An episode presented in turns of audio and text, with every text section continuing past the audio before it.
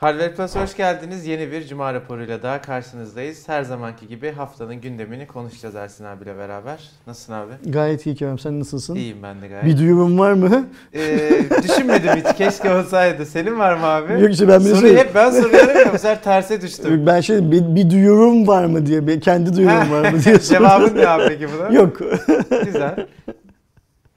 O zaman Hemen giriyorum yani. Bodoslama girelim bence vakit kaybetmeden. Arkadaşlar çok taze bir olay biliyorsunuz ki dün Huawei'nin akıllı telefon lansmanı vardı. Mate, Mate 40 ailesini tanıttılar. Gerçi Mate 40 ailesinin yanına bir tane kulaklık, saatin Porsche dizaynı gibi ek şeyler de ürünler de geldi ama bizim tabii ki ana ilgilendiğimiz konu yeni Mate 40 serisi. 3 tane model tanıttılar. Biz de zaten canlı yayın yaptık. İzleyenler zaten detaylı bilgiye sahiplerdir ama bir üstünden geçip yorumlayalım. Mate 40, Mate 40 Pro, Mate 40 Pro Plus olmak üzere 3 farklı model gördük. En böyle tasarımsal açıdan bizim bugüne kadar görmediğimiz noktası kamera tasarımları. Böyle bir yuvarlağın içerisine dizilmiş kameralar var. Ne düşünüyorsun abi? Bana bir değişik geldi Nokia- ve alışamadım. Nokia'nın tasarımı gibi daha önce Ben yaptı. iPod'un ön- ön tarafına çok benzetiyorum. iPod gibi. Ee, eninde sonunda birisi yapacaktı bunu. Ee, Huawei, Huawei yaptı. Ya Yani- başta hep böyle yeni tasarımlar bir göze garip geliyor. Sonra insanın gözü alışıyor. Fena görünmüyor. Yani şöyle fena görünmüyor. Ben dün lansman öncesi zaten işte öyle bir şey çıkacağı zaten konuşuluyordu ama lansman sonrası gerçekten şey yaptım. Google resimlerde bir tane o Nokia'nın o şey telefonundan buldum. Yan yana açtım. 3650 miydi o Ee, bir tane şey buldum. iPod buldum. İlk nesil, ikinci nesil falan. Onların fotoğraflarına baktım. Evet çok benziyor. Yani hani birebir aynı demek çok insaflı olur mu bilmiyorum ama çok benziyor. Evet, biri Ama kamera kullanımı için. Kendi birisi başına tabii. Nokia'nın telefonunun arkasına baktığın zaman da e, bana şey gelmedi. Kötü gelmedi öyle söyleyeyim. Ben bir eğer Türkiye'ye gelirse ki gelecektir büyük ihtimal gerçeğini görüp bir şey söyleme taraftarıyım. Çünkü hani şey yapamadım. Ya iyi mi kötü mü sevdim mi sevmedim mi bir türlü işin içinden çıkamadım. Ondan çok benim e, dikkatimi şey çekiyor Kerem. Telefonların arka yüzeyindeki kameraya ayrılan alanın Tabii. giderek büyüyor olması şey yapıyor. Yani bunu L şeklinde dizsen, yan yana da dizsen, TLC gibi işte alt alta da dizsen Samsung gibi bazı modellerde öyle de koysam böyle de koysam o Sen arka de alan TLC dedin onu gülüyorum. öyle mi TLC mi ben de yine? öyle diyorum. TCL gibi. Ee, Önemli olan arkadaki toplam alandaki kapladığı yer gittikçe Şimdi artıyor. yarısını falan kaplıyor neredeyse yani. Çok fazla yani hani bunu konuşmak lazım bence. E Yani Şey- abi şimdi en çok artık telefon aldıran şeylerden biri kamera, Kamera. deneyimi olduğu için çok şaşırmıyorum ben. Hep o yönde gidecek. Bir de diğer taraflarda hakikaten kuş kondurmaya çalışıyoruz artık işte tazeleme hızı yüksek ekran falan. Çok da gidecek bir yer kalmadı. E zaten bu tazeleme yüzü, tazeleme hızı, yüksek ekran hikayesi hayatımıza resmen şey olarak girdi. Yani biz başka bir yenilik yapamıyoruz. Bari şunu yapalım Ya diye girdi. çok mantığı var da telefonda yok. Bugün belki izliyordur. Ee, cevap vermedim gerçi de bir izleyenimiz Realme 6 Pro'yu sadece onu da konuşacağız. 7 Pro'yu özür dilerim.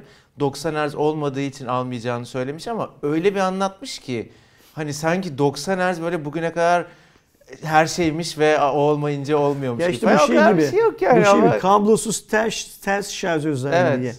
Kaç kere kullandın hayatında bugüne kadar? 2-3 falan. Ben bir kere kullandım. Ya kaç yıldır O teknoloji da şey yani işte hayatımızda? kız arkadaşımın bazen şarjı olmuyor, şarj aleti olmuyor. Tam diyorum getiren telefonumun arkasına koyalım o biraz şarj olsun Ya şimdi falan. bunu böyle muazzam bir özellik gibi şey yapmamak lazım. Değerlendirmemek lazım. Ee, Bundan kastım sadece ters şarj değil kablo. Mesela ekran yenileme hızını da öyle. Evet çok var öyle. Sektör bunu daha yeni bir şeyler üretemediği için el altında hazır bu var üretilmişi.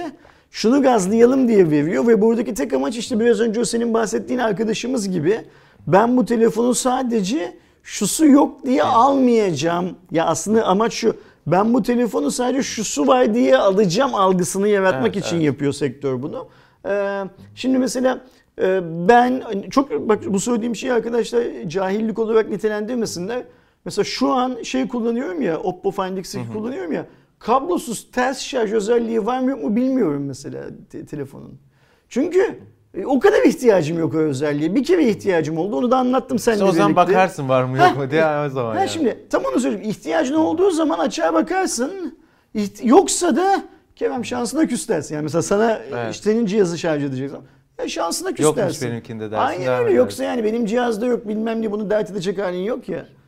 Benim çok sevindiğim bir konu, uzun zamandır eleştirdiğim bir konuydu. Huawei'nin ne P serisinde ne M serisinde stereo hoparlör göremiyorduk. Huawei bunu hep ya bizim işte tasarımımız böyle ile geçiyordu. Yani biz tasarımsal açıdan bazı yaptığımız şeyler bizim stereo hoparlör yapamamamıza sebep oluyordu diyordu. Burada nihayet yapmışlar ve özellikle bas konusunda çok iddialı şeyler söylediler.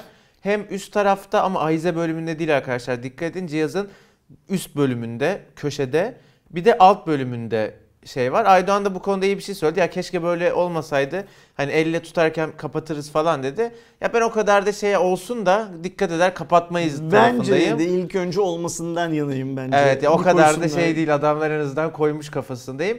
Bir de bu söyledikleri bas olayında işte ses deneyimi falan nasıl çok merak ediyorum. Bayağı iddialılardı çünkü. En önemli konulardan biri işlemci çünkü Kirin 9000 işlemcisi ilk defa bu lansmanda tanıtıldı ve ilk defa bir cihazda görüyoruz.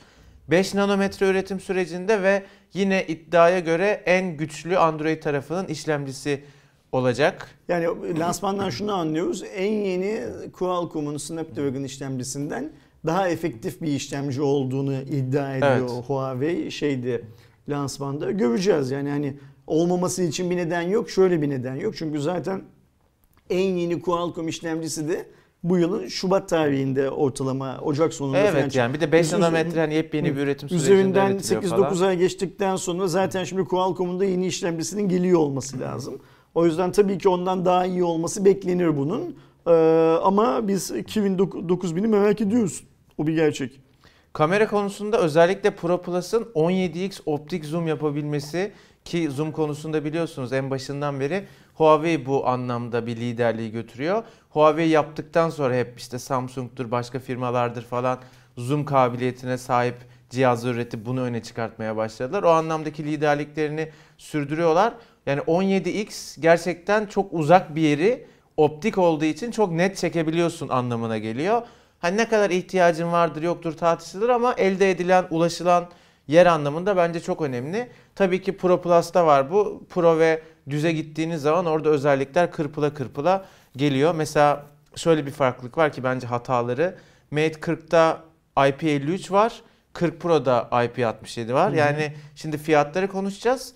Maşallah yani fiyatlar. E böyleyken Yani- kırpma kardeşim biz Aynen, bazı şeyleri şey, yani. Bazı şeyleri kırpıyoruz ama IP sertifikasını kırpma bari. Çünkü yani Tam 17x optiği tam Pro Plus'a koyuyor. Çok öyle. ekstra bir iyi bir özellik ama hani IP'yi de koy bir zahmet yani. Aynen. Bak bu şey de öyle. Zoom hikayesi de biraz önce konuştuğumuz o Öyle, özellikler gibi. Yani aslında çok kullanma ihtiyacın olmayacağı, Aynen. olduğu için kullandın. Olduğu için de ayda bir kere her dolunayda Huawei'nin üst segment telefonunu çekenlerin bütün sosyal medyayı ay fotoğraflarıyla hava attın do- şey yaptı, doldurdu. Ama ay fotoğrafı çekmekten de muhtemelen başka bir işe yaramayan bir özellik bu. Ha yeni cihazda bu e, dün lansmanın yapılan seviyede çok ilerletilmiş. Eyvallah çok Evet. ilerletilmiş. Her marka bir yerden tutturup oradan yürümeye çalışıyor işte. Huawei'de senin söylediğin gibi bu zoom'dan tutturdu. Evet. Devam ediyor. Ya bir de şu da var şimdi biz zoom'dan girdik ama aslında baktığın zaman hem düşük ışık kabiliyeti hem de özellikle videoya çok vurgu yaptılar bu lansmanda. İşte hiç titremeden çok net videolar çekebilmesi falan da cihazın kamera anlamında önemli noktalarından. Ki ben P40 Pro kullanıyorum normalde biliyorsunuz. Video konusunda gerçekten geçen yani bir ay önce falan bir hikaye paylaştım. Böyle arabada gidiyorum. Normal kamera uygulamasını açtım. Güzel bir hava vardı böyle sahilden gidiyorken. Böyle çektim. Bir sürü mesaj geldi. Abi bunu iPhone'la mı çektin? Çok güzel çekmiş Hmm. falan. Video olayını hakikaten adamlar çözdü P40 Pro'da. Şimdi Mate'de de bunu bir tık ileri götürdülerse o da artık video Çünkü konusunda da iyi noktada olur. Mac'le çekildiği iddia edilen bir o surf muhabbetleri vardı ya. Eğer o görüntüler gerçekten şeyde Mac'le çekildiyse çok başarılı Evet. demektir. Çok başarılı demektir. Hakkını vermek lazım. Evet şimdi geldik Dana'nın zırt dediği noktaya. Sırasıyla Mate 40 899 euro, Pro 1199 euro, Pro Plus 1399 euro yani 1400 euro.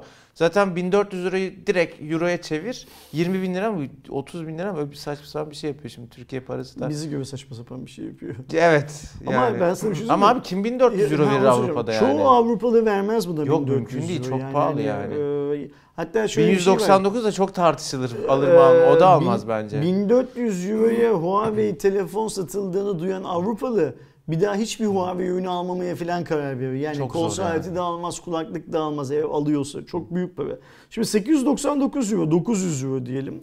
9'la euro- TL şey dolarında e, şey dolar değil ama bu euro kaç lira ediyor Türkiye? 8 lira mı 9 lira Yok mı? 9 euro. Do- do- 9 lira euro. 9 lira. Ee, 90'la yani 900 euro ile 9 lirayı çarptığın zaman 8100 lira yapıyor. Bunun çıplak fiyatı. Bunun üzerine işte o vergileri vergileri falan 12, koyduğumuz 13 zaman lira. yo- ne 8100 Daha lira yapıyor. Ha gerçi neredeyse ikiye katlıyorsun A- değil mi Aynen öyle yani 16 bin lira falan gibi 14 para falan. çıkıyor. Hadi Huawei Türkiye'de şey yapsın, Türkiye'ye özel iyi fiyat belirlesin diyelim. 14 bin lira çıkacak. E yine çok pahalı. Yani Ha. bugün 14 bin lira mesela işte bunun karşısına rakip olarak neyi koyacağız? iPhone 12'yi koyacağız hadi diyelim ki. Samsung'un S20, Note 20 ailesini koyacağız falan. Hepsine nazaran pahalı bir fiyat bu. Yani bize euro bazlı mı geliyor, dolar bazlı mı geliyor tabi bilmiyorum ama ya bence Huawei'nin bu üst seviye telefonlardaki fiyat olayını bir ayarlaması lazım. Yani ya daha ucuza bir şekilde Huawei'nin fiyata bu ne abi genel 1400 anlamda dolar euro fiyat mı olur bence yani? bir elden geçirmesi lazım. Evet bence Yani de. Huawei telefonlara bak mesela bundan Ya 4 şu an yıl, mesela P40 Lite fiyatından falan çok memnunum. 4 yıl 5 yıl önce Huawei telefonlar göreceli olarak rakiplerinden benzer özellikle mesela rakiplerinden daha ucuz ve işte aa Huawei diye bir marka vermiş. Dünyanın en büyük telefon üreten markalarından bir tanesiymiş. En fazla pardon en büyük değil en fazla telefon üreten markalarından bir tanesiymiş filan filan dedi. Bir albenisi olan bir şeydi.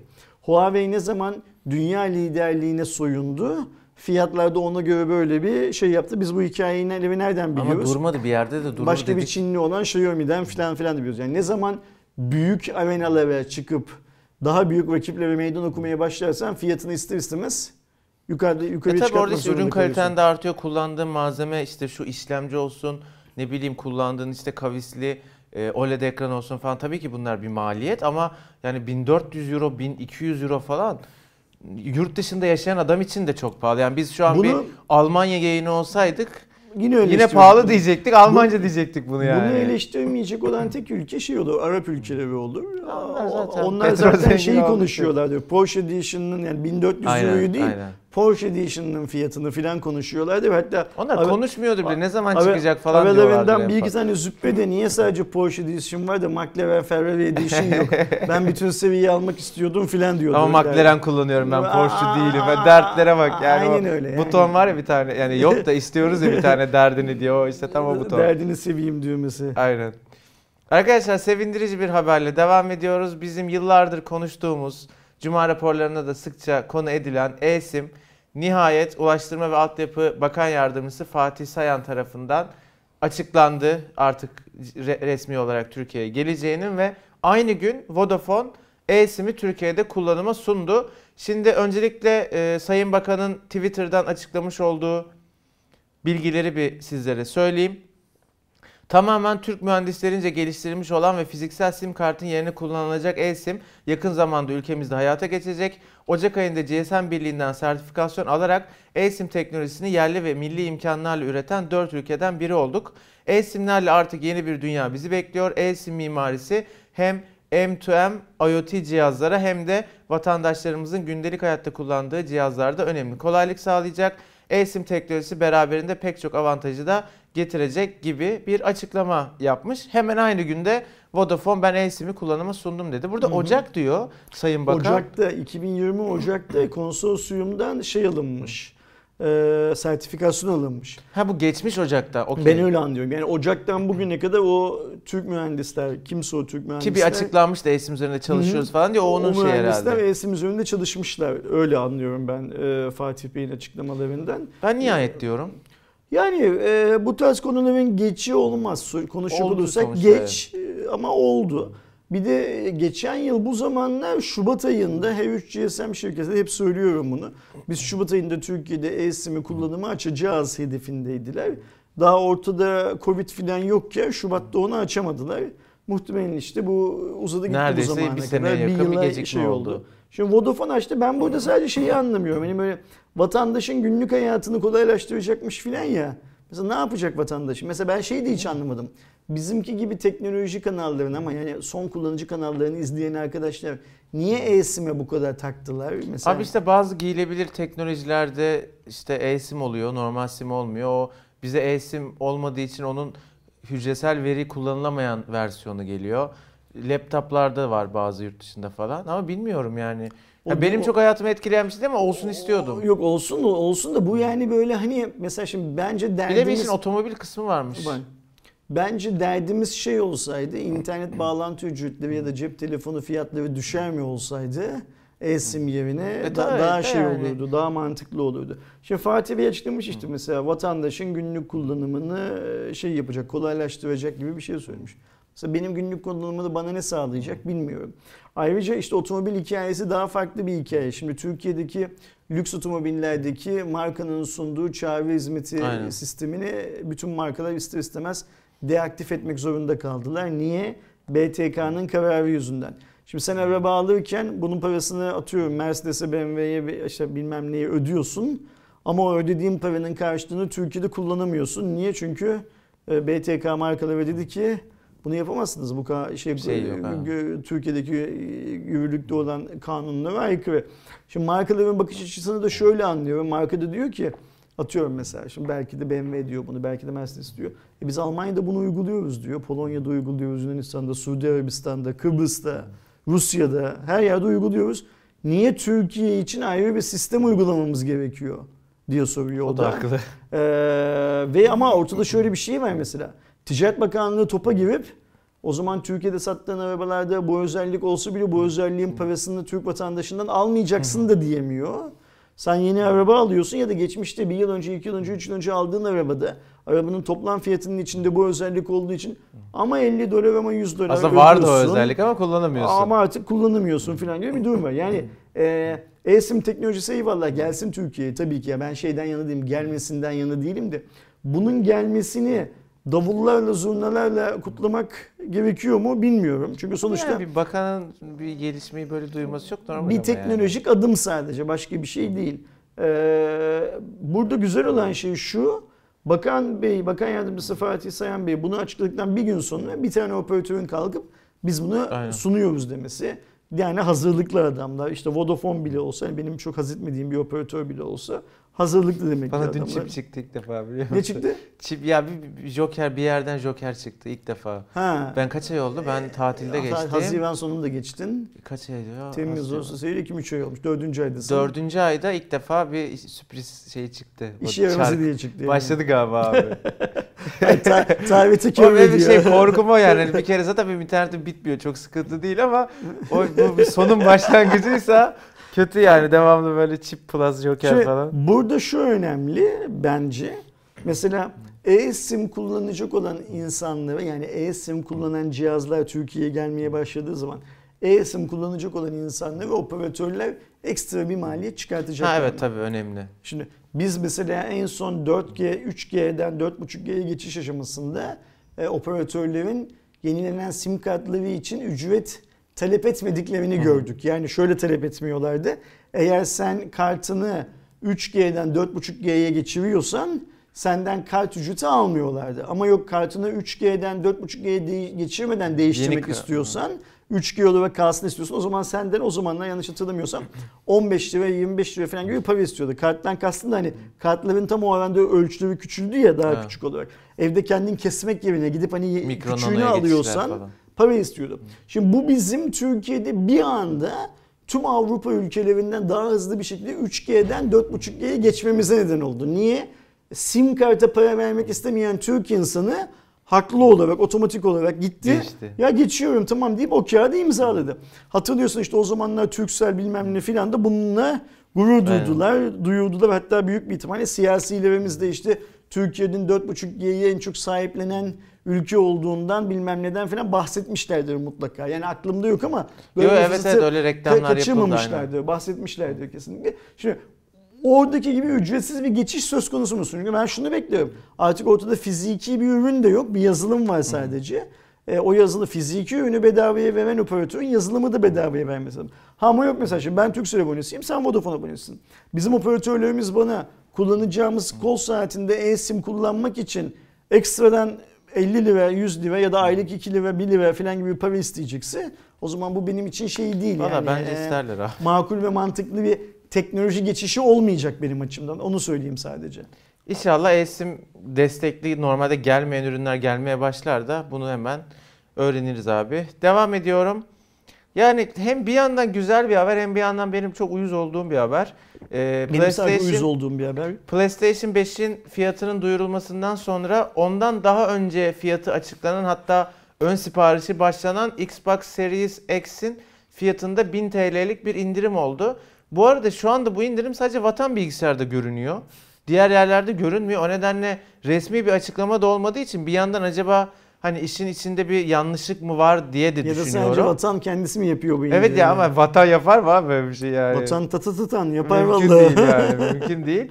İşin uyuz olduğum tarafı şu arkadaşlar eğer gerçekten 1000 liralık bir indirim varsa ve PlayStation 5 rekabeti sebebiyle olmuştur bu büyük ihtimalle. E madem bu fiyata satabiliyordunuz En niye en baştan sonra, 1000 lira? E, Ya klasik da dön soru mesela yani. öndeki şey yapanlara pre-order, ön sipariş Ha, mesela yapanlara onlara kesin pa- pa- iade edilir pa- onlar para da. iadesi yap. Ya şimdi burada şöyle bir hikaye var. Biz PlayStation'ın fiyatı ilk belirlendiği zaman, pardon, Xbox'ın fiyatı ilk belirlendiği zaman ne dedik? Microsoft dedik. Sony'ye çok güzel gol attı dedik değil mi? Yani çok iyi bir fiyat belirledi. Ve Sony büyük bir tane bu fiyatın altında kalamayacak PlayStation 5'te dedik. Şimdi Sony o fiyatın altında kaldı. Ee, Microsoft'ta şu görünen ki ya bu haberi biz sırf vatana özel bir şey değilmiş, genel anlamda bir şeymiş gibi yorumlarsak ben öyle yorumluyorum. Ee, o zaman Microsoft Türkiye'de fiyatı revize etti. Şimdi Kerem burada iş en başından kokuyor. Yani bak şimdi e, Microsoft e, PlayStation 5'in altında kalmak için iyi fiyat açıklıyor. Belki ona bıraksa daha yukarıda açıklayacak bilmiyoruz. O iyi fiyat PlayStation- dediğimiz bizim bu arada Series X için değildi abi. O Değil miydi? Daha ucuz versiyonu küçük bir tane daha Öyle çıktı miydi? ya biz onun için dedik. Öyle Çünkü mi? Series X'in fiyatı normaldi yani. Okey. O zaman şöyle yapalım. Ee, piyasada e, insanların hayal ettiğinden, hayal etmekten kastım olsun diye değil. Yani bu cihaz pahalıya gelir diye hayal ettiği PS5 fiyatından daha uygun fiyat açıklamak ma- şeyin e, Sony'nin yarışta bir adım öne geçmesi anlamına geliyor. Sony bu açıkladığı fiyatla tabii ki yine kar ediyor ama rakibi çok fena köşeye sıkıştırıyor bir Evet. yandan da. Zaten yurt dışında da bilerek açıklamadılar aylarca. Bir Aynen onu bekliyor, o onu Ya bekliyor düşünsene falan. lansman yapıldı Abi fiyat yok işte yani. yani. Hani neredeyse oyun fiyatları belli ama e, şeyin konsolun fiyatı yok filan gibi bir şey çıktı ortaya. Şimdi bu geldiğimiz noktada bence bu iş başından sonuna kadar zaten hani ben e, insanlık tarihinin yeni bir konsola ihtiyacı olmadığını iddia eden bir adamım. İnşallah bunlar sonuncuları olur şey olarak. Yani Olmayacak abi yani. bu bundan sonrasında inşallah konuşmak zorunda kalmayız. Ama şu fiyatların böyle revize edilmesi bile bana kepazelik gibi Evet, geliyor. bir de rekabetin aslında ne kadar önemli bir şey olduğunu da bize gösteriyor. Gösteriyor. Bir de şöyle bir şey de var şimdi Kerem. Ee, olur ve Sony de rakamı revize ederse o zaman sen beni niye bu kadar çok öpüyordun? Yani sen de niye bu kadar çok Evet. öpmeye heveslisin? En sen de baştan niye bu demek ki yapılabiliyormuş niye- yani. Niye heveslisin gibi bir hikaye geçiyor. Ve bir de şöyle de bir şey var. Şimdi bu konsol markalarındaki rekabet çok daha az olduğu için yani sonuçta pazarda iki tane tüm dünyada iki tane büyük oyuncu var. Dünyanın bazı lokasyonlarında Japonya falan gibi oyuncu sayısı 3'e çıkıyor ama gelen Nintendo ekstra bir şey oyuncu da yapıyoruz. öyle muazzam güçlü falan değil artık Ha. eskisi kadar. O yüzden bu iki tanesi demek ki kendilerine istedikleri gibi pazar piyasalarda at koşturabilme şeyi Aynen. görüyorlar. Hakkı Ya bir de görüyorlar. 500 liraya oyun satacak yani çoğu. Bir de öyle bir şey var. Ben umuyorum ki inşallah bizim eve girmez. Bana Doğuş'a sormak lazım. Ee, Şey, Overgame'de ne? PlayStation 5 mi? Bir Ama tükendi. alacak mıydı? alam, alamamış. Evet onu kovalıyoruz şu an. Alacağım da o indirime girecek yani. Hani. Oğlum yurt dışına giden bak şimdi bunu çok ses dillendirmek istemiyorum. Yurt dışına giden birilerinden şey yaparız, çözeriz. Kamera aldım. Tamam olsun. Aa, Şey e, ama alacağım ama Buraya tabii ya abi Doğuş kaçırır mı? Çocuğun içkisi yok, kumarı yok, bir PlayStation'ı var. PlayStation Alacak tabii ki yani. Şey Muharrem İnce mi ne bir tweet atmıştı. Ha, gençler, evet, evet, e, gençleri şey PlayStation'ı falan alacağınıza gidin Bulgaristan'da iki gün Aynen tatil daha yapın. ucuza geliyor Alın falan gelin. diye. Biz de galiba Muharrem İnce Batum'a gidin arkadaşlar. e, Muharrem İnce o tweet atmadan bir önceki Cuma raporunda benzer bir şey Evet, biz de evet, söylemiştik evet, galiba evet, değil mi? evet. Belki Muharrem Ya İnce Avrupa ülkesine bile gitsen aynı paraya geliyor. En azından gezmiş görmüş oluyorsun. Cuma yani. raporunu izliyordur belki Muharrem İnce. Oradan belki şeyi. Vallahi bir şey yapsın. Ee, yazsın. İzliyorsa like atsın değil mi? Ben artık benim Biliyorsun şaşırmam abi. Bir kere Vedat Bilör'e geçen gün de sevgili Kuşum Aydın'a Instagram'dan yardımcı olmuşluğum var. o yüzden Evet. şaşırmam yani. Devam edeyim mi? Lütfen. Arkadaşlar ben bu haberde birazcık konuşmak istiyorum ve birazcık sistemli konuşacağım. Şimdi haber şu. Sinkaf var mı? Yok canım tamam, öyle, tamam. o kadar değil. hani. Ee, hani hem zaten sinkafa zaten girmem ayrı mesele. Eleştireceğim insanlar Honor tarafında da arkadaşım. Huawei tarafında da arkadaşım. Hani zaten hani Ama çok sen teorik olarak herhalde onları eleştirmeyeceksin zaten. Evet evet evet yani- evet. Ama zaten hani arkadaşım olmasa da Syncaf zaten yapmam bir firmayı ayrı mesele. İşin geyiğindeyim biraz. Şimdi arkadaşlar bu hafta Honor Onyx Lite diye yeni bir akıllı telefonun Türkiye'de satışa sunulacağına yönelik bir bülten geldi. Telefonun tasarımı güzel. İşte 5000 mAh pili var. Kamera konusunda dörtlü bir kamera sistemiyle iddialı falan filan. Onlara lafım yok. E, eleştireceğim konu aslında tam Honor tarafı da değil. Huawei'nin global tarafı. Çünkü bu e, akıllı telefonda Kirin 710A işlemcisi var. Şimdi Kirin 710'u biliyoruz. Kirin 710F çıktı. Kirin 710A çıktı. Aa. Evet. bu üç işlemcinin bana farkını teknik olarak yani bunun çekirdeği, bunun gigahertz'i ya da bunun üretim süreci olarak farkını açıklayabilecek bir Huawei Global şeyi var mı? Çalışanı var mı? Ben söyleyeyim yok. Birisi Çünkü- atıyorum 7 voltla, öbürü 7.2 voltla, öbürü 7.4 Ya yok voltla. o da yok abi o da yok. Sadece bunu sorduğunuz zaman paketlemesi farklı diyorlar. Lan bu vatanda satılan bilgisayar toplarken ki işlemci değil ki bunun paketleme sen bunu zaten telefon içine koyuyorsun. Ben bunu zaten göremiyorum. Bu o paketleme başka paketleme. Evet ya evet ama tokat koyun gibi bir şey yani sırf bu işlemci o ilk 710 değil algısı vermek için hani benim hiç Huawei'ye yakıştıramadığım bir algı oyunu bu ve ayıp yani düz ya 710 ile çıkart elinde evet biliyorum global sorunlar var falan ama bence o da cevap değil 810 koyabilirsin buna. Hani 710 bir abi ne 710'muş bitmedi ya. Bari 710'u farklı renge boya değil mi? De ki bu cihazın içindeki de 710'a biz 710 aa dedik ama bunun rengi pembe. Evet mesela. ama içinde işte göre, göremiyorsun. Bir yani. görseniz hani pembesini. Hasta olacaksınız de. Yani düz 710 de buna. De ki ben işte sorunlar yaşıyorum. 710'un bitmedi. Bunu kullanmam lazım falan. Biz de ona göre telefonun fiyatına göre değerlendirelim. Lafım yok yani. Sen ne istersen onu koyarsın ama 710F bu. 710A hani sanki yeni bir işlemciymiş gibi bilmeyen adamı farklı bir algıya yönlendirecek bir hareket bence yakışmıyor. Sa- ama bak şimdi sadece Huawei bu mesela laptop tarafında da çok yapılan bir şey. Yani işlemcide mesela laptopta bakıyorsun sonu harfi A, B, C'den Z'ye kadar giden modeller var. Birinde iki tane USB, birinde bir tane micro USB, birinde atıyorum 5. Kensington nesil falan kilidi. şey satıyorlar Bilmi- hala. Yok sadece cihazın kasasıyla ilgili farklar yüzünden cihazın şeyi em, kodu bir harf Ay, değişiyor pardon. mesela. Ve bir de şöyle çakallıklar yapıyor onlar.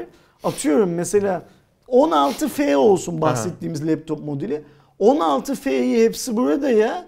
16G'yi Amazon'a, 16H'yi Teknosa'ya, 16C'yi Mediamarkt'a, 16B'yi vatana veriyor marka. Böylece 5-6 platformda birbirinden farklı cihazlar var. Fark ne? Bir fazla dediğim gibi USB, USB. soketi, bir kilit, bir işte açma kapama düğmesi. E zaten gibi son kullanıcı işi bu olmuyor. Biz bile bazen işin içinden ha, çıkamıyoruz. garibi şu. Adam boğuluyor yani. Bir de fiyat farkları var arada. Şimdi mesela birisi diğerinden 200 lira daha pahalı, öbürü ondan 300 lira daha ucuz. Tüm teknik özelliklere bakıyorsun. Her şey aynı. İlla şeye bir dikkat etmen lazım. Birinde 3 tane USB Tek var. tek bakacağım böyle. Birisi USB 2.0 bilmem ne filan gibi şeyleri. Bunların tamamı bence bu senin söylediğin şeyle Kirin 710A'ya geleceğim. Ee, insanların kafasını karıştırıp onlara mal satmak üzerine yapılmış pazarlama hileleri bence. Ya bu bence kafasını karıştırıp da değil o eski bildiğiniz 710 değil. Bu daha yenisi iyisi o da işte yaratmak bu da yani. evet. işte şey olarak. bunun net bir bu amacı var ve hiç hoş değil yani. Hiç yakıştırdığım bir şey değil Huawei gibi Ben firmaya. bunu hiçbir ben büyük markayım diyen markanın yapmaması gerektiğini düşündüğüm bir şey bu. Ama şunu da söyleyeyim yani sadece teknoloji şirketlerinin hakkını yemeyelim. Mesela bugün Migros'a gidiyorsun. Çamaşır deterjanı alacaksın. Atıyorum mesela ne alıyorsun? diye, Hangi marka alıyorsun? Yumoş şey var, bingo var yumuş, şeyde. yumuş alalım mesela. O İşte yumuşatıcı gerçi. Yumuşatı tam ondan alalım dert değil. A markette 400 gramlık yumuş satılıyor. B markette 350 gramlık. C markette 500 gramlık. Abi şunun bir standartı olsun da hangisinin Evet. ucuz hangisinin Ve pahalı. fiyatları da böyle Ha aynen işte öyle üç- yani. üç, yani beş falan hangisinin filan. ucuz hangisinin pahalı olduğunu bir anlayayım Allah aşkına ya. Evet. En sonunda orada da kazık yiyen yine ben oluyorum. E bir de şey oluyor ya fiyat aynı kalıyor. Normalde atıyorum gofret alıyorsun. Gofret normalde 110 gram. Bir bakıyorsun çikolata mesela 100 grama 100 gram, düşürülmüş. aynen öyle. Hani o gizli zam dediklerini gramajı düşürüp fiyatı aynı tutma muhabbet de var. Senin yediğin çikolata azalıyor günün sonunda. İşte Ticaret Bakanlığı'nın altındaki denetim mekanizmaları eğer iyi çalışmazsa e, bu tarz şeyler ne yazık ki yapılabiliyor. E, şeyi bilmiyorum yani e, mesela bu teknoloji şirketleri bu hikayeleri yurt dışında da yapıyorlar ama işte Yumoş'tu, çikolatacıydı bilmem neydi falan Amerika'da İngiltere'de bunu yapabiliyor mu Ama bilmiyorum. enflasyon falan o kadar şey ki. Yapıyorsa şimdi tabii ki yani. şey e, fiyat duyarlılığı azaldıkça mesela Türkiye'de fiyat duyarlılığı çok yukarıda. Fiyat duyarlılığı azaldıkça markanın zaten böyle taklalar atmasına Yani gerek E, ucuzdan yok. biraz pahalı bu çikolatadır odur budur falan. Ama mesela ben kendimi e, sürekli market alışverişi yaparken bir şeyleri böyle hesaplarken buluyorum. Ve hesapladığım şeyin de içinden çıkamıyorum. Çünkü şöyle bir şey var. Gidip sadece yumuş almıyorsun ki. Yani yanında 50 tane daha bir şey alacaksın. Aynen. Hepsinin fiyatını nasıl kıyaslayacaksın? Ne yapacaksın? Yani hani çok garip işler.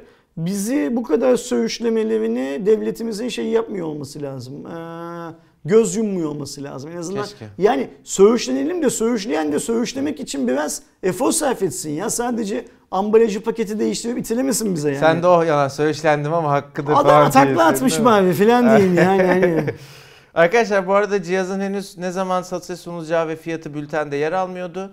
Satışa sunulduğunda hani fiyatı belli olduğunda tabii ki tekrardan konuşuruz. Bu arada dediğim gibi yani ne Türkiye'deki Honor çalışanları ne Huawei çalışanları benim söylediğim üzerine alınmasın. Sonuçta globalin yaptığı bir şey. Adamlar iş- onlar işlemciyi belirliyor. Ama hani bence bir raporlama şansınız varsa bunu raporlayın. Çünkü gerçekten ayıp ediliyor bence.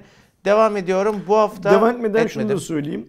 Bu tarz hikayeler bence Huawei gibi şu anda e, zor durumda olan markaların reputasyonlarına e, bu işlemcili telefon satıldığı zaman edecekleri kardan daha fazla zarar yazıyor. Evet, evet bence de. Yani bunu da unutmamak lazım. Eğer raporlayabiliyorlarsa bir yere böyle de raporlasınlar. Yani bu halk fakir olabilir. Türk halkından bahsediyorum. Bu halkın alım gücü Mate 40 Pro bilmem neye 1400 euro karşılığındaki vergilerle birlikte para veremeyecek durumda olabilir. Eyvallah. Ama bu halk gidip bu cihazı aldığı zaman bence yediği kazığı ya da kendi kazık demeyelim de kandırıldığını anlayacak kadar da fark edecek kadar da neyin ne olduğunu biliyor. Sen hiç daha önce şey gördün mü abi? Aynı işlemci yani çekirdek sayısı, çekirdek gigahertz'i, nanometre süreci aynı olup isim olarak farklı bir isimle çıkartılıp satılan ya da bir ek eklenen falan. Ben ilk defa bir akıllı telefon üreticisinde böyle bir şey görüyorum. Ve yani paketleme falan yani hani dümdüz sizi kazıklıyoruz falan diyeyim daha ya bunun algısı daha iyi diyeyim falan daha Yani daha biz şeylerde düzgün bu yani. Snapdragon'ın gemisi paketliyorsun? işlemcilerinde son 4 yıldır filan işte Şubat'ta çıkar sonra Haziran filan gibi o onun bir üst versiyonu Hı hı. muhabbetleri çıkar ya. İlk başlarda bu çıktığı zaman mesela Qualcomm'un şey açıkladığını hatırlıyorum. Hani işte bu onun overclock edilmiş hali muhabbeti vardı ya. Overclock edilmiş hali ama sadece yazılımsal olarak overclock edilmiş hali değil. Donanımsal olarak da müdahalesi söz konusu filan dediklerini hatırlıyorum. Yakışan da bunu söylemektir zaten. Yoksa böyle Evet. yaptım oldu. Biz konunun sonuna A koydum, F koydum Ya orada da değil ne yani. dersin? Yani evet hani bir overclock yapılmış ama hiç ne fark var? Hiçbir fark hani çok da fark hissedilmiyor dersin. Atıyorum test yaparsın. Ya bir şey ya da çok o kadar küçük ki fark falan dersin. Önemi yok bunun dersin. İşlemciye yıl numarası ver. Mesela 2020 edition'da, 2020 Abi onun da versiyonunda. algısı şey olacak ama farklı bir işlemci gibi olacak. İşlemci aynı. Yapma o zaman bir şey. Ver gitsin. Yani evet ya Yani ben de olurum. Düz 710 verdik ya ben bunu 710'la çıkarttım. O kadar yani biz de sonra telefonun fiyatına göre değerlendirelim. Devam ediyorum. Bu hafta iki tane Türkiye'de önemli telefon çıktı. İlki Poco X3 NFC. Abi bir bakar mısın N11'den? Bugün fiyatın değişmesi gerekiyordu. Değişti mi?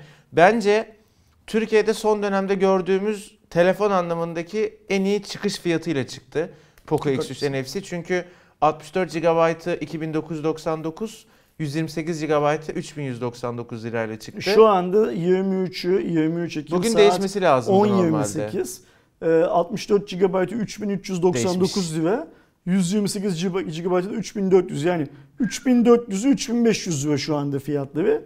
Aradaki fiyat farkı 100 lira değildi sanki indirimde daha mı fazla? 200 liraydı. 200 liraydı şimdi 3, 3 şey 2.999'du 3.99 mu olmuş? okey. 100 lira yemiş yani değil mi? Yok İlki. ilki 3399 şu anda. İlki 3 300. Evet, Oha şey, 400 lira zam. 64 GB'lık e, Poco X3 NFC Duos 3399 lira. şu an. Yani 400 lira. 3400 lira yani cihazın 400 fiyatı. lira zam yemiş. Şeyde 128 GB'lıydı 3500 lira. O da 4 Yok 3190 300 lira zam. 300 Biri 400 biri Ara- 300 lira zam. Aradaki yemiş. fiyat farkı da 100 liraya düşmüş sadece. Evet. Şu şartlar altında ön siparişle bunu alan arkadaşlar göbek atmaya başlasınlar. Vallahi arkadaşlar biz hem sosyal medyada paylaştık hem benim e, en iyi telefonlar listesinin ilk sırasındaydı. Orada bence hani al, almaya niyetiniz varsa kaçırmayın alın dedim. Umarım ihtiyacınız varsa tabii ki kaçırmayıp almışsınızdır. 400 lira bugünün Türkiye'sinde az para değil. Ve şu anda epey.com'dan başka satıcı var mıya bakıyorum. Hayır. Tek Hala satıcı N11 dedim. O Şöyle- önümüzdeki günlerde Ve şey gra- olur büyük grafikte tahmin edeceğin gibi şöyle geliyor Aynen ve gördüm şahlanmış yani. Aynen 400 Bu lira bir anda bir e, şahlanmış. kripto para olsa çok iyi maaş bırakmıştı Kerem şu grafikle. Biz bu konuda abi seninle daha önce tabii canım çok iyi para ayrı mesele de biz seninle bu konuyu daha önce konuştuk ya yine mesela bende şey algısı ya bir firma çalışanı olsam bunu yapar mıyımı çok düşünüyorum. Çünkü bir yanda evet ön siparişte deli gibi satıyorsun ama o sattığın atıyorum bir hafta ve sonra atıyorum bir sene daha satacaksın ve o bir kere o fiyattan sattın ya. Şimdi mesela bana fiyat inanılmaz pahalı geliyor. Şimdi bak burada, burada şöyle bir şey Yani var. cihazı yalın değerlendiremiyorum. Şimdi Xiaomi bizim sevdiğimiz bir marka. Evet. İzleyenlerimizin de büyük bir çoğunluğunun sevdiklerini düşünüyorum. Sevmeyen de çok az vardır. Vardır büyükler çok Tabii az canım, vardır. var. Şimdi biz şundan 3 gün önce lansman sonrasında, lansman diyorum pardon, geçen hafta sonu fiyatlar açıklandıktan sonra bu pazartesiden itibaren Poco X3'ün ne kadar iyi bir cihaz olduğundan bahsettik ya. O iyilik kavramımız içinde fiyat dahildi. E, tabii. Şimdi fiyat bu aşamaya çıktığı zaman ben kendime bir de acaba biz yalan mı söyledik, insanları kandırdık mı diye de şey yapıyorum. Ee, tekrar baştan ne söylediğimi, ne yazdığımı, ne paylaştığımı, ağzımdan ne çıktığını düşünmek zorunda hissediyorum. Ee, biz Poco X3'ün teknik detaylarını falan verecek miyiz? Ve Haberimizde ben, var ha, mı? Ezberimde ben söyleyeceğim. Bu Okey. arada şimdi onu düşünüyorum. iyi biliyor musun? Yine iyi. Yani Türkiye şartlarında iyi demesem bile o fiyat segmentinde ilk böyle tavsiye edeceğin cihazlardan biri. Ama işte 3000'e satıldı ya şu an Ama 400 lira fazla bana çok pahalı Ha, gibi geliyor. Niye söyledim onu biliyor musun? Şimdi teorik olarak düzen neydi? Düzen dediğim herkesteki sistematik düşünce neydi? Xiaomi Poco X3 için çok iyi fiyat açıkladı. Realme'de 7 Pro için pahalı bir fiyat Onda açıkladı. tam tersi Heh, oldu işte. Şimdi O bu da ucuz sabah, kaldı Bu kafamda. sabah Realme fiyat düşürdü. Evet. Ve bu sabah Xiaomi fiyat yükseltti. Şimdi bizim pazartesi günü yaptığımız, kurduğumuz tüm denklem bugün bozuldu. Şu Ama- an Realme ucuz kaldı. Kafada Poco pahalı o, kaldı. o öyle olması şart değil. Yani e, tamam öyle oldu da hani pazartesi günü Poco daha iyiydi, Realme biraz daha pahalıydı. Mesela salı günü benim yaptığım canlı yayında canlı yayına bağlanan herkes Realme 7 Pro bu fiyattan satamaz diyorlardı. E, O çocuklar da mesela şu anda e, diskalifiye durumdalar. Çünkü Evet. niye? Şartlar hop değişti. Evet. Şimdi ilk önce ne diyorduk pazartesi günü? Xiaomi Realme'ye gol attı diyorduk değil mi? E şimdi bugün ne diyeceğiz? Realme fiyatın yükseleceğini N11'den öğrenmiş büyük bir ihtimalle. Evet. Gece o, onu fiyatı o, o seviyeye çekti. gece fiyatı aşağıya çekti ve ne oldu? Xiaomi bir anda bizi kazıklayan marka oldu. Evet, algı Paz- olarak öyle Pazartesi oldu. günü öyle değildi bak düşün. Pazartesi günkü Evet. havayı hatırla. Evet. Herkes ne diyordu? O Xiaomi süper ya nasıl gol attı Realme'ye falan diyordu. Hadi bakalım şimdi Xiaomi bu golü nasıl çıkartacak kaleden? Mesela bu konularda var mıdır bilmiyorum ama yoksa bir sosyolojik araştırma ya da ekonomik bir araştırma artık bilmiyorum. Yapılmasını çok isterim. Yani başta avantajlı bir fiyatla bir süre satıp sonra fiyatı arttırmak mı genel toplamda daha avantajlı bir şey oluyor? Yoksa Realme'nin yaptığı gibi bir fiyatla çıkıp daha sonra onu duruma göre uygun fiyata taşımak ya da daha aşağı bir fiyata taşımak mı şirkete daha çok kazandırıyor? Acayip merak ediyorum. Ben önümüzdeki hafta salı günü de geçen hafta salı günü hani e, Poco X3 mü Realme 7 Pro mu can, yeni yaptım ya arkadaşlara sorduk. Bu salı da yeni fiyatları hakkında ne düşündüklerini Şimdi ne olacak diye bir kıyaslamak A- a- Aynen lazım, öyle evet. yani o şu fiyattan buna çıktı bu şu fiyattan ona indi. Ne düşünüyor diye arkadaşlara sorayım bu salı günü de bunu. Bu arada arkadaşlar bir zaten bizde şu an kutu açılışı var. İncelemede haftaya gelecek ama Poco X3 ile başlayalım. Bir kere Snapdragon 732G var. Yeni işlemcilerden. Nanometre süreci olarak da 7 nanometre olması lazımdı. Bayağı iyi bir işlemci. E, o anlamda öne çıkıyor. 120 Hz'lik tazeleme hızı sunan bir ekranı var. Yine bu da işte bu bizim bugün konuştuğumuz insanları aldırmaya yönelen o 120 Hz var diyen ki yorumların hemen hemen hepsi bundan bahsediyor ki bu hani o yüzden doğru olduğunu düşündüğüm bir yorum bu ee, var. Kamera konusunda ben dün akşam eve giderken biraz düşük ışıkta falan test ettim. İyi kamerası gerçekten fotoğrafta en azından şu Biz anlık. son zamanlarda Xiaomi'nin o segmentteki telefonlarından ilk birinde ilk kez senin bu Realme şeyle Poco ile çektiğin kadar iyi fotoğraflar Evet ben de görüyoruz. ben de şaşırıyorum. Yani o tam yazılımdan mı kullanılan yeni sensörden mi falan bilmiyorum. Hakikaten iyi fotoğraf çekiyor. E 5000 mAh'in biraz üzerinde pil var. O anlamda da beklentiye kıyaslıyor.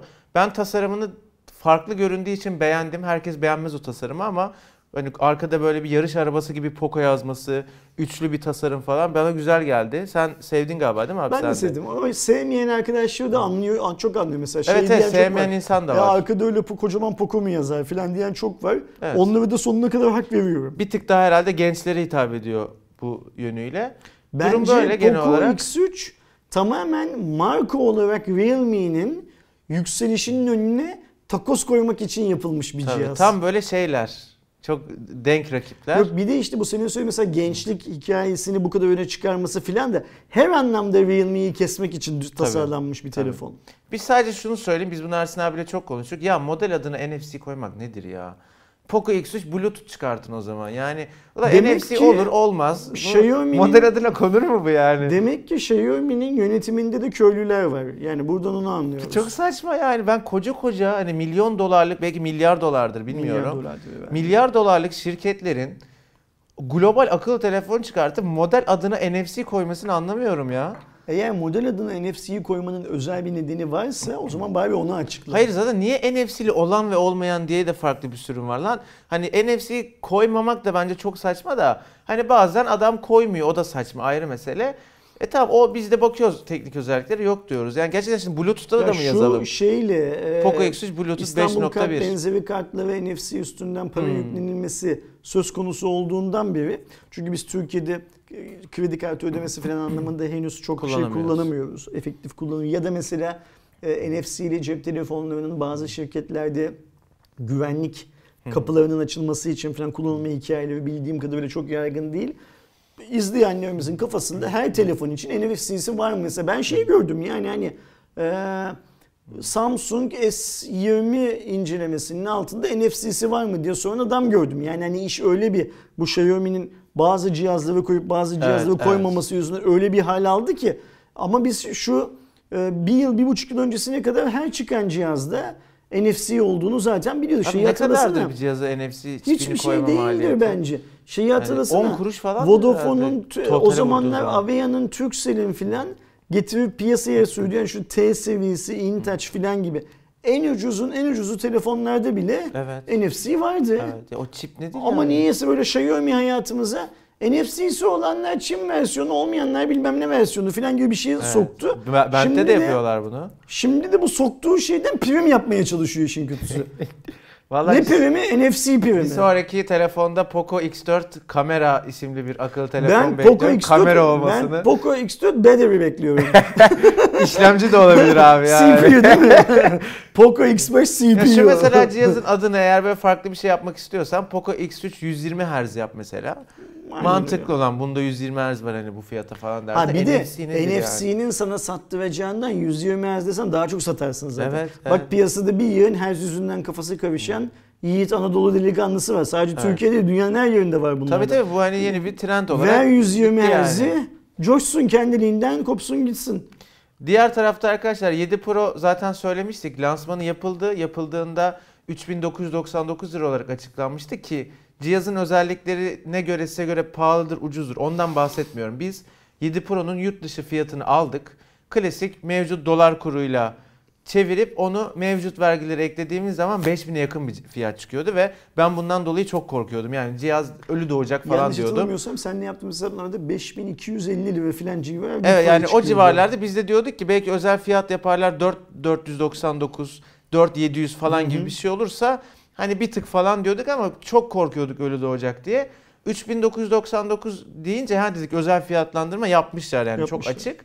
Onun üstüne daha cihaz satışı çıkmamıştı. Sadece fiyatı duyurdular. Bugün cihaz satışı sunuldu ve 3599 değil mi? Galiba.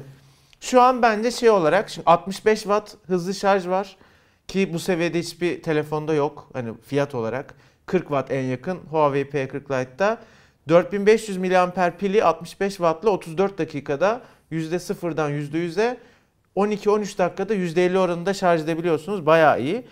Kamerası iyi. Benim ben çektiğim fotoğrafları sen gördün mü abi incelemede? Bayağı iyi Gördüm, fotoğraf gördüm. çekiyor. O bir tane kedi fotoğrafım var ya. Aynen bizim eve giderken şeyde. O, o kedi fotoğrafı bence çok başarılı bir fotoğraf. Yani detay olarak, netlik olarak falan iyi. Bu ekran konusunda Realme bu sefer şöyle bir şey yapmış. 7'de IPS LCD 90 Hz. 7 Pro'da 60 Hz ama Super AMOLED. Bunu da bir Twitter'da şey yapmışlar. e, anket yapmışlar. O anket sonuçlarına göre Hindistan'da yapmışlar. yapmışlar. Aynen. Ee, yani Super AMOLED isteyen çok var. Ama yüksek tazeleme hızı isteyen de çok var. O yüzden biz ikisini de yapalım. Birini isteyen gitsin 7'yi alsın, birini isteyen 7 Pro'yu alsın demiş. Bu konuda herkesin kendi beğenisi farklı arkadaşlar. O yüzden ben bir tek doğrunun olduğunu düşünmüyorum. Bu tercih artık tamamen. Genel olarak böyle benim istediğim fiyata geldi 7 Pro. Şu an şeyime girer yani listelerime girer. Ta öneri Şimdi şeylerime girer. Burada şöyle bir şey var. Hazır yeri gelmiş onu da söyleyeyim. Hani mesela bazen şeyi konuşuyoruz ya. Şimdi bilmem ne modeli niye Türkiye'ye gelmiyor? Hani bu markalarda. Şimdi bu adamların işi ürün satmak. Bu adamların hiçbirisinin işi yani bu adamlardan kastım Xiaomi'de, Realme'de, Samsung'da, Huawei'de biz Türkiye'de teknoloji geliştirelim. Türkiye'yi muhasebe medeniyetler seviyesine çıkartalım filan değil. Bu adamların işi dünyanın farklı farklı yerlerinde ürettirdikleri otoboku her neyse telefonu getirip Türkiye'de satmak. Bunların hepsi pazarlama şirketi. Bunu unutmayalım. Evet. Şimdi pazarlama şirketi eğer senin o söylediğin bilmem ne modelinin Türkiye'de satılabileceğine inansa senin aklına gelmeden onu getirir sana dayar zaten. Adam demek ki inanmıyor. Niye inanmaz? O ürün bir pazar için üretilmiştir. Başka pazarda satılması mümkün değildir. O ürün şu anda dünyanın farklı yerlerinden o kadar talep görüyordur ki üretim bandından çıkan o ülkelere yetişmiyordur. Türkiye'ye stok gelmeyecek. Türkiye'de öyle bir rakibi vardır ki sen onu fiyat olarak Heh. şey yapamayacaksın. O ürünü getirsen bile Türkiye'deki o ürüne çok benzer X ürününden daha ucuza satamayacaksındır. O X ürünü de zaten 4-5 ayda çok iyi satmıştır. Bir iki ayda satışları düşmüştür. Satışı düşen kanala hiçbir pazarlamacı kendi getirdiği stoğu yığmak istemez. Satamazsa adamı şutlarlar çünkü tutmazlar Aynen, orada. aynen. İşsiz kalır herif bu pandemi döneminde filan. O yüzden hani o niye gelmedi ve bu niye gelmedi ve filan bakmamak lazım. Gözün kesiyorsa getiriyorsan sen kendin getiriyorsun. 1500 ve IMEI kaydını ödersin. Artık Türkiye böyle bir ülke. Ee, Türkiye'de bu IMEI kaydını işte yolcu beraberinde cihaz getirme hikayesinde filan filan regüle eden kurum vatandaşa dedi ki arkadaşım sen bundan sonra yurt dışından cihaz getirmekte özgürsün ama 1500 ama liranı 1500 liranı alırım dedi. Bunu kabul edip etmemek senin elinde. Yani ya kabul edeceksin, getireceksin yurt dışından ya kabul etmeyeceksin, getirmeyeceksin. O yüzden o toplara hiç girmemek gerekiyor. Ee, ve şu şartlar altında Türkiye'ye yurt dışından hangi cihazı getirirsen getir eskiden belki %30, %40 karlılıkla kullanıyordun. Şimdi en fazla iPhone'un en pahalı modelini bile getirsen 1500 lira mı 1700 lira mı ne kar Orada ediyorsun? tekste arka kapı kaçak muhabbeti, e-mail atma Bazı muhabbeti. telefonlarda. Evet, o da her telefonda Fakat olmuyor. yine bu işte IMEI ücretleri pahalansın, eee, şey e, yolcu beraberinde getirilen ürünleri kısıtlama getirilsin filan diyen sektör toplulukları e, IMEI havuzu Türkiye'de daraltılsın diye de bakanlığa baskı yapıyorlar. Yani ne yapıyorlar? Uzunca bir süredir sinyal almayan e-mailleri deaktif et diyorlar bakanlığa. Böylece e-mail atma olayını keselim. Keza havuzda Nokia 8800 bilmem ne filan diye görünen ama Kullanılmıyor. 4.5G sinyali alan cihazları kapat diyor. Çünkü o modelde 4.5G yoktu zaten. Nasıl bunun sinyalini alır filan filan. Ve bunlar yapıldığı zaman onlara Bu göre Türkiye dövmek istiyorum o ya. Türkiye şey medeniyetler seviyesine ulaşacak onlar olursa. Onlar olmazsa Türkiye şey olacak. E, muhasebe medeniyetler seviyesine ulaşamayacak. Yani en son bu Filan. baskıları yapanlar gelip bizi gerçekten yatırıp öpsünler. Bir o kaldı çünkü. Yani bir Ya şimdi- abi adam ya yapabilen yapıyor işte. Şunu gücü yok unutmamak lazım. E, sektör STK'ları tabii ki kendi sektörlerindeki insanların e, faydalarına çalışacaklar. Ancak o insanların da en nihayetinde birer son kullanıcı olduğunu unutmamak lazım. Benim e, devletin kazanacağı vergi vesaire vesaire gibi gelirlerin hiçbirisine itirazım yok.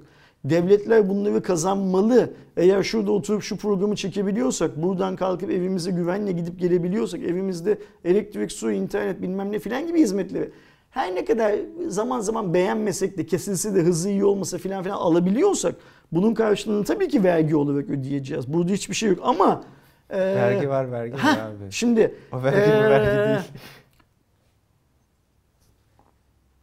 Çok uluslu bir tane şirketten bahsedelim. Mesela Ford olsun. Yani niye Ford dedim biliyor musun? Türkiye'de de fabrikası var.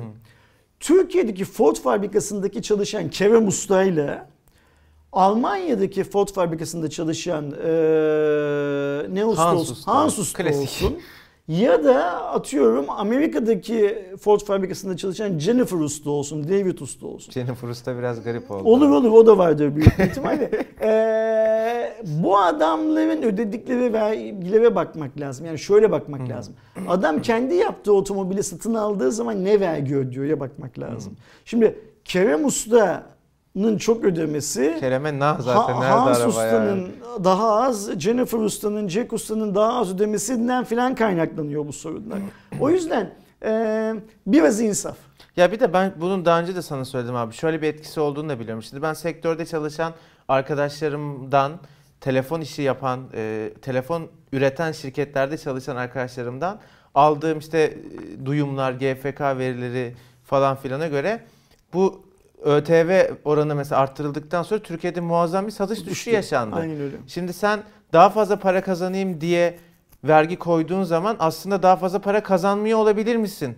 Daha düşük tutarak hacimi arttırdığın zaman daha fazla satarak aslında aynı parayı mı kazanıyorsun ya da daha fazlasını mı kazanabileceksin? Buna bakmak lazım. Ben vergi arttırarak devletin de kasasına daha çok para girdiğini düşünmüyorum. Dolaylı olarak hatta hem sektör insanlarının hem vatandaşın hem de devletin zarar gördüğünü düşünüyorum. Bir de bunu düşünmek, bakmak lazım. Şimdi burada şey var. Ben lisede okurken, ben Pertevniyel mezunuyum bu arada. Ben lisede okurken bir hocamız e, kulakları çınlasın, vefat ettiyse de Allah rahmet eylesin.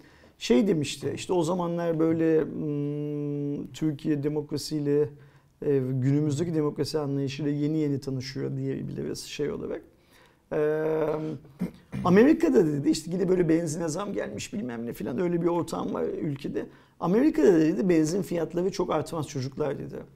Ee, niye dedik hani Amerika çünkü biz hani benzinin petrolün yatağını Arabistan diye biliyoruz ya o zamanlar.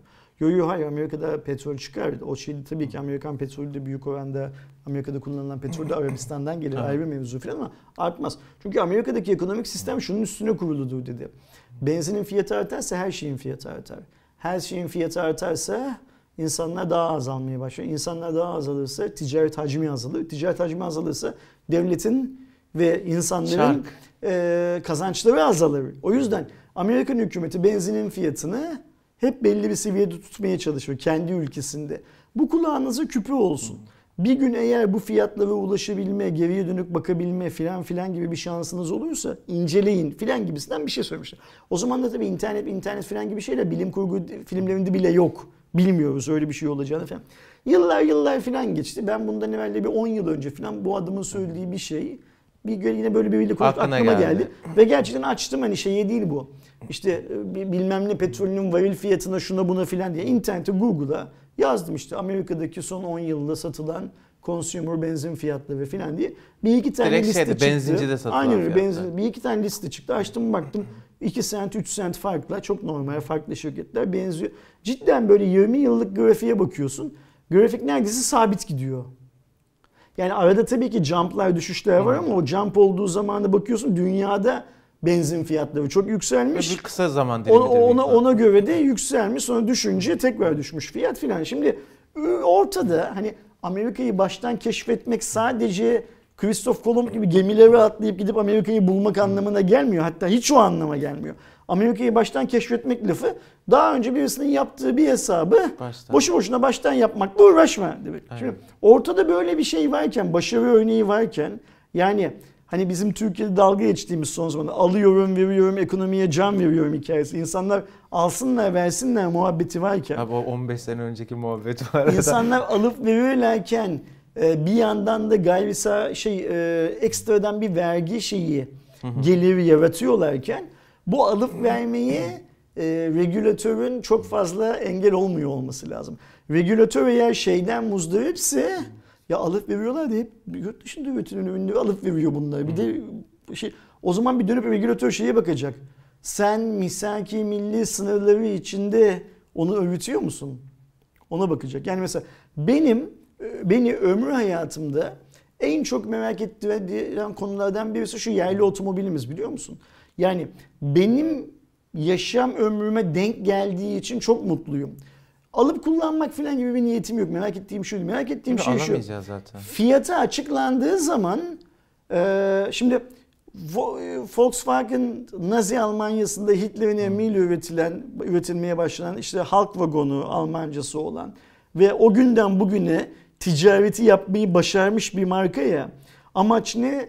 E, Çekirdek Alman ailesinin ulaşım ihtiyacını karşılasın. O kaplumbağanın yapılış amacı o. Arka, öne bagaj konulsun bilmem ne falan. Tamamen o pro- bir mühendislik harikası bu arada. O günün şartlarına göre. Şimdi bizim yerli arabamız piyasaya çıktığı zaman ben şeyi çok merak ediyorum.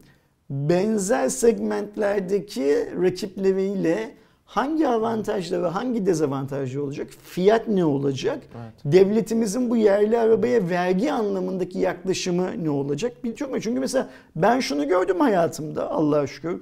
Bu ülkede bilgisayar üretildi. Devlet teşvik etmedi. Artık üretilmiyor mesela bu ülkede bilgisayar. Bu ülkede cep telefonu üretildi. Devlet teşvik etmedi. Artık üretilmiyor. Bu ülkede e, işte geçen yıl tanzimlerden domates, soğan almak zorunda kaldık. Ben e, büyürken kendi kendine yeten 5 tane ülkeden bir tanesi olduğumu söyleniyordu. Ama gittik olan ülkede. Gittik domatesle soğanı, Türk mutfağının en önemli iki tane unsurunu sıvıya girdik. Tanzimlerden almaya kalktık. Tanzimde satılanlar da yurt dışından geldiler filan. Yani bunların hepsini Allah'a şükür gördüm e, 48 yıllık hayatımda.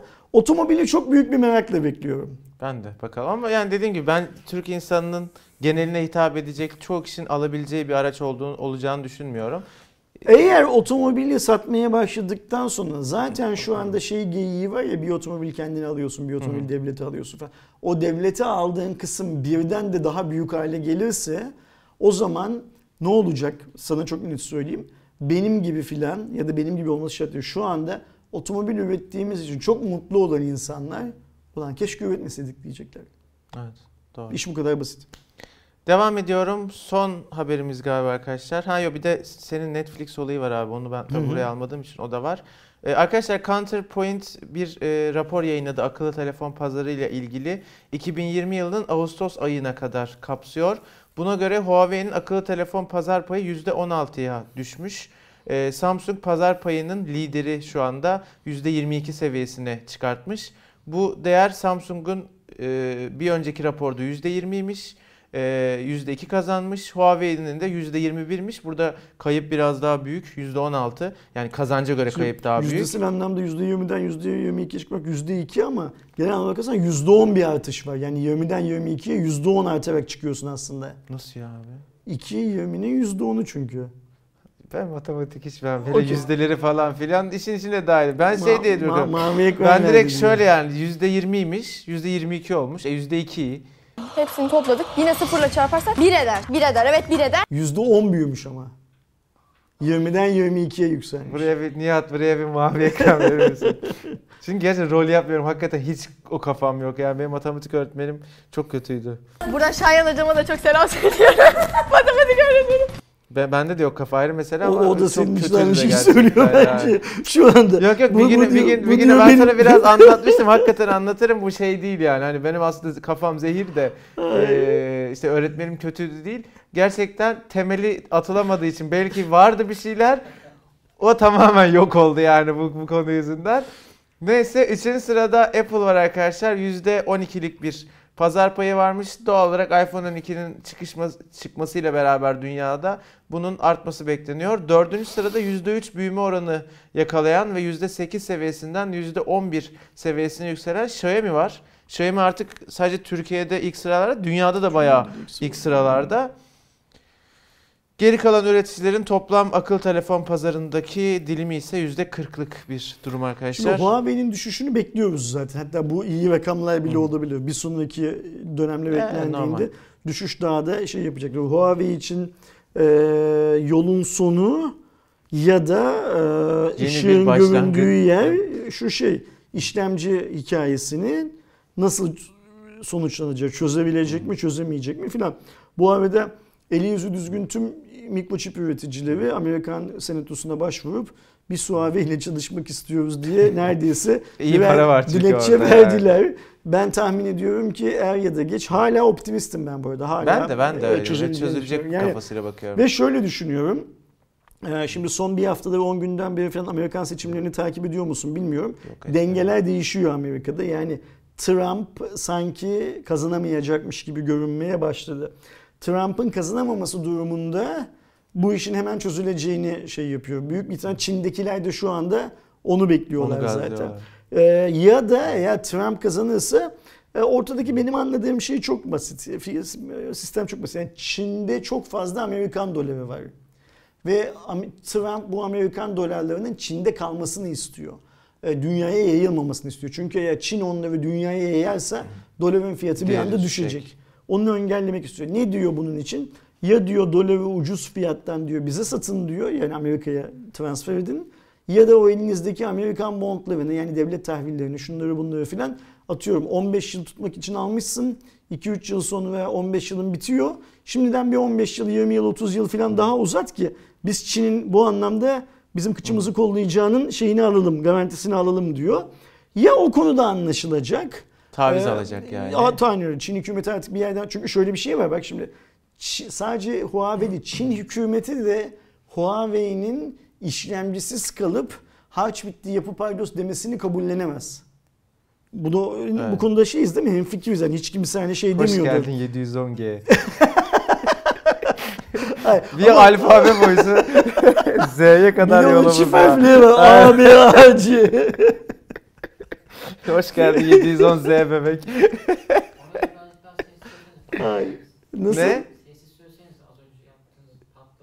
Ha ya bir şey olmaz. Bir ya. şey o, doğa, o doğallığı şey yapamayız pat-. Patlasın bir şey Bir olmaz. şey olmaz kısar Ama şöyle onu. bir şey var 710 da üretemeyecekler. Tabii canım, Artık aynen. O da şey bitecek bir yaparlar. süre sonra Kutuyu üretir hani farklı paketlemeymiş ya. Çünkü eğer onu da üretmeye devam etse ben hani sonsuz işlemci elde etmelerinin bir yolunu bulduklarını falan düşüneceğim ama doğru o Pa- da sadece, paketi üretecekler artık sadece farklı paketleyecekler. işlemcisiz telefon o yaptı. yerden sonra. Şey e, ben o yüzden sorunun çözümüne çok şey kaldığını, çok yakın bir zaman kaldığını. Zaten Trump hükümetinin de infazın tarihini de seçime göre belirlediğini. Yani şimdi Trump'ın kendini pozisyonlaması şöyle. İşte infaz şu tarihti. Onun öncesinde seçim var. Ben olmazsam zaten bu adamlarla anlaşılır. Ben olursam da seçimden galip çıkmış olmam lazım. Artık Çinli bana daha fazla şey yapamaz. Kafa Dayanamaz, tutamaz. Aynen. İstediğim vaatleri alırım modunda. Çok kısa zamanda biz bu Huawei meselesini çözü göreceğiz. Benim hep en başından beri söylediğim şey ama taviz vererek ama para vererek ama bilmem neyle Huawei'nin eski şeyine, e, üretim gücüne, cep telefonu Mesela tarafındaki çelme taktılar üretim gücüne şey devam yaptılar, edeceğini Apple bir düşünüyorum. O yüzden de biz bu işte Count- Counterpoint vesaire vesaire gibi araştırma şirketlerinin tabii ki bir iki rapor daha Huawei'in e, satışlarının düştüğünü söylediklerini göreceğiz. Bu çok normal. Ama burada böyle eminim muazzam değişiklikler olacak. Yani hatırlıyor musun sana senle geçen yıl bu zamanlar mı ne Huawei dünyanın iki numaralı üreticisi olduğu konuştuğumuz zaman bir anda %4 %5 fark atmıştı Samsung'a.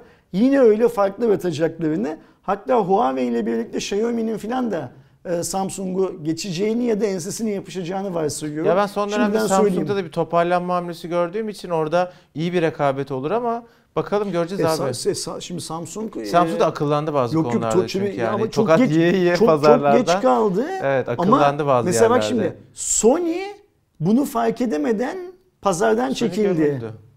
Samsung ise pazardan çekilmeyeceğinin sinyallerini veriyor aslında.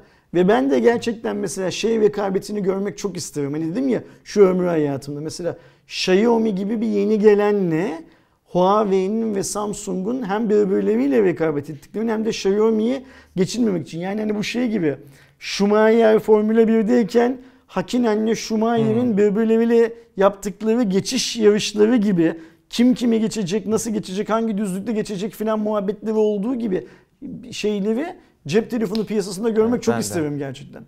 Bakalım. Arkadaşlar son haberimiz bu hafta Netflix'in bir e, bülteni vardı. Valla ne yalan söyleyeyim ben de Cuma raporunun öncesinde öğrendim bunu. E, 10 yeni heyecan verici proje ile Türkiye'de... Türkiye'ye özel 10 yeni proje. Evet evet yani Türkiye'de e, 10 tane aslında işte dizi, film vesaire onun içinde değişiyordur büyük ihtimalle. E, olacaklarını açıkladılar. Şimdi burada şey önemli Kerem. Netflix Türkiye'ye özel içerikler yapmaya başladı. İlk değil Abi sen bunlar. anlat bu haberi. Ben hiçbir şey bilmediğim Okey. için şu an öğrenmeye Bence çalışıyorum. title'lara hiç bakma yani şey film dizi isimlerine falan hiç bakmamıza gerek yok. Burada önemli olan şey şu Kerem. Şimdi Netflix Türkiye'ye girdi. Bana soracak olursan kötü bir başlangıç yaptı Hakan Muhafız'la. Ama onlar bu Hakan Muhafız'daki çocuğa çok güveniyorlar. Neydi adı? Çağatay Ulusoy. Çağatay Ulusoy. Nitekim işte o hani benim de gittiğim Roma'daki lansmanda Çağatay da oradaydı. Tüm Netflix'in C-level yöneticilerinin tamamı buna CEO da dahil e, Çağatay'ın bizim bulunduğumuz coğrafyada sadece değil e, Latin Amerika'da Hindu Çin'de filan bile ne kadar çok takipçisi olduğunu, beğenildiğinin farkındaydılar ve e, o proje yani e, o neydi Hakan Muhafız. Muhafız tutmasa bile Çağatay'la çok uzun dönemde çalışacaklarının sinyalini veriyorlardı. Nitekim bu 10 yapım arasında yine Çağatay'ın bir tane yapımı var. Şimdi Hakan Muhafız'dan sonra ne yaptı? Ee, bu Beren Saat'in dizisini yaptı. Arada bir Aşk 101 yaptı. Aynen. A- Aynen. Atiye'yi yaptı. Aşk bir de 101 Aşk 101 yaptı. yaptı. benim bildiğim kadarıyla. Başka bir e, yerli yani yerli değil. Türk prodüksiyona girmedi. Girdiyse bile ben bilmiyorum kusura bakmasın. Şimdi Netflix 10 tane birden açıklıyor. Ve bu 10 tanenin içindeki o kadar büyük şey isimler Yine var Beren ki. Saat var değil mi? Beren var, Çağatay var, eee, şey var, Uğur Yücel var yanlış hatırlamıyorsam bak şimdi. Demet Akbağ var, eee, Haluk Bilginer var galiba. iki Çok pro- iyi. şeyde ne derler eee, farklı prodüksiyonda. Bu arada Cem Yılmaz'ın da işi Netflix'te olacak falan deniyordu. deniyor. İrem Sak var, Engin Günaydın var, Binnur Kaya var. Yani benim tanımadığım, ad- isimlerini söylesem bin yan genç arkadaş da Evet, var evet. burada. Benim yaşım gereği kusura bakmayın tanımadım. Kıvanç Tatlıtuğ var başka Abi, bir projede. Türkiye'de zaten kaç En kişi kaldı önemlisi yani? bence Taylan biraderlerin Azizler diye bir filmi var. Yani Taylan kardeşler bence Türkiye'de bir türlü şey yapamayan, eee, ne derler, hmm, mainstream olamayan, olmak isteyip istemediklerini bilmiyorum, olamayan iki tane yönetmen kardeş. Eee, onların bir filmi var. Biz onların bundan evvel de bir 20 yıl önce falan televizyona bir şeyler yaptığını görmüştük en son. 20 yıldır hiçbir şey yapmıyordu. Ve şöyle düşünüyorum Kerem. Bu 10 proje eee, mesela işte bir tanesinde bak şimdi fark ettim Hakan Günday'mış eee, senaryosunu yazan şeyin eee Uysallar'mış dizinin senaryosunda. Bu 10 projeden ben şunu anlıyorum aslında. Şimdi Prime geldi ya. Prime tarafında bir dizilerde eksiklik var. Yani konuştuğumuz herkes ya eyvallah alışveriş falan güzeldi. Amazon'un şu dizi olayına bir şey yapması lazım, el atması lazım. Daha dublaj bile yok. Bilmem ne filan var. Yani Amazon dizi konusunda çok şey. Ee, Türkiye'de hmm, hani bir ara televizyonda da bir yayın kanal vardı da o kanalların bir kısmı ne yaptığını bilmiyorduk ya. Amazon'da o ne yaptığını bilmediğimiz E konuda emekliyorlar yine şey abi yapıyor. yani sonuçta. Şimdi Netflix bence piyasadaki en iyi isimleri bir süreliğine kapatıp bu resmen çünkü bir kapatma operasyonu aslında. Sektörü, stüdyoları, oyuncuları filan her şeyi kapatıp para bende var. E, Türkiye'de çektiğim diziler dünyanın bazı lokasyonlarında da izleniyor en azından. Hani para kazandırıyor mu? Bence para kazandırmıştır Hakan Tabii, Muhafız filan. Para kazandırmasa bile kendi maliyetini Gidiyor çıkartıyor. işte yani. Bu adamları Amazon Türkiye ofisini genişletip bu prodüksiyon işlerine bilmem ne falan girinceye kadar bir süre kendime bağlayayım. Evet. Neden? Çünkü benim Türkiye'den kazandığım para Yunanistan'dan kazandığımdan, Bulgaristan'dan kazandığımdan, hatta İtalya'dan kazandığımdan falan daha fazla Türkiye'nin Arap tarafına da bir şeyi var, ne derler, etkisi var. Bu işi alayım diye yaptığı bir hamle bence. Ama buna rağmen şu saydığım isimlerin dizilerini, filmlerini, bilmem nelerini falan hangi platformda olursa olsun izlemek bence keyifli olacaktır. Bak şimdi ne diyoruz? Yani arkadaşım bilmese biz kendimiz biz Hakan Muhafız'ı beğenmedik. Yok çok. Ee. Atiye'yi siz bitirdiniz. Ben İkinci ikiyi sezon- izlemedim ama Ha. izlemeyeceğim de o kadar moralim bozdular ki ben ilk sezonu çok beğenmiştim. bir, çok beğendiniz. İkiyi izleyen kimle konuşsam ki hepsi sevdiğim insanlar izleme bok gibi falan Ben, diyorlar ben yani. ilk sezonu da daha bitiremedim izleyeceğim. Aşk 101 hiç bana göre bir dizi değil ama ben de artık izleyen herkes onun için. izleyen herkes şey ay ne güzel öyle izledik mutlu bir de Evet. Aşk 101 ve benim tanıdığım benim yaşımdaki insanın çoğu bu e, salgında evde otururken falan izlediler. Yani hani can sıkıntısında ne izleyelim diye ortaya saldırdıkları dönemde izlediler. Bu 10 tane yapımı Netflix piyasaya çıkış tarihlerini iyi ayarlayabilirse yani şöyle bir aralarında böyle çok şey yapmadan 4'er ay 5'er ay zaman vermeden tak tak tak de isimler dizebilirse çok güçlü isimler. Abi. ne olursa hani olsun ben- gider yani. Netflix'in yaptığı işleri beğenmiyorum ya son zamanlarda. Ben bunların oturur onunu da büyük bir ihtimalle şey yaparım, izlerim. Ha şu olur. İşte dedik Hakan Günday, Uysallarmış, diziymiş. İlk iki bölümünü izler belki kalanını izlemem bilmiyorum ama fikren beni çok heyecanlandırır ve Hakan Günday'ın e, senaryosunu yazdığı bir diziyi izlemek. Ya da işte Taylan biraderlerin e, Azizler isimli Hiç tarih filmini- falan yok değil mi abi bu arada? Hiçbir şey yok, hiçbir bilgi yok. Ha, Ee, gerçi mesela Fatma için bir 2021 ya Şö- Fatma şö- diye şö- bir... şöyle bilgiler var. Onları yıl verelim. olarak çoğu Ha, 2021. Aynen öyle yani. Zaten ne kaldı 2020'ye de yani. Ama Şey- 2021 ne zaman? Aşağı doğru indiğin zaman mesela mücadele çıkması 15 Mart 2021'de tüm dünyayla aynı anda Netflix'te diyor. Bu mücadele çıkması Çağatay Ulusoy'un dizisi işte. Biraz daha aşağı inersek 9 kere Leyla 4 Aralık 2020'de çok yeni. Evet evet bazıları bazıları yeni. Demet Akbağ'la şeyin oynadığı, Haluk Bilginer'in oynadığı Öf, film o da bu. kadroya bak yani. Ha, ha bir de Haluk Bilginer, Demet Akbağ, Elçin Sangu. Elçin Sangu şu kızıl saçlı Genç- kız değil evet, mi? Genç evet, kız. genç o. kız. Ee, Fırat Tanış, Alican Yücesoy. Ben burada bir tek Fırat işte, Tanış'ı da tanıyor tanıyorum. lazım. Elçin Sangu ile Alican Yücesoy'u çok bilmiyorum. Eminim Ali onlar da Can çok biliyor, Görsek evet şey anlamında. ihtimalle. Azizler keza işte söyledik 8 Ocak'ta çok yakın. Yani büyük bir ihtimalle tabii 3 ay ya. bunların çekimlerinin bitmiş olması lazım şey anlamında. Netflix bu sayede Türkiye'de eğer bir hmm, abone erozyonu falan yaşadıysa onu toplar, bu diziler sayesinde. Yaşamadıysa da hazır Amazon meydanı boş bırakmışken şey yapar e, biraz daha e, şeye katar ve eğer kaliteli yapımlar olursa bence biz çok daha uzunca bir süre Netflix aboneliklerini şey yapmayız. Tabii tabii. Sonlandırmayız yani. Şu isimler 10 tane yapın falan bana da öyle geliyor. Arkadaşlar ne kadar oldu ya Doğuş merak ettim. Söyle uzun Tahmin oldu bu sefer. Bunun başlığını normalde şey yazıyorum ya marka model işte bir konu yazıyorum. Dolu dolu Bir cuma saat- raporu yazacağım. Bak bir saat. Bir aklım 13 saat. Bir saati unutmam herhalde.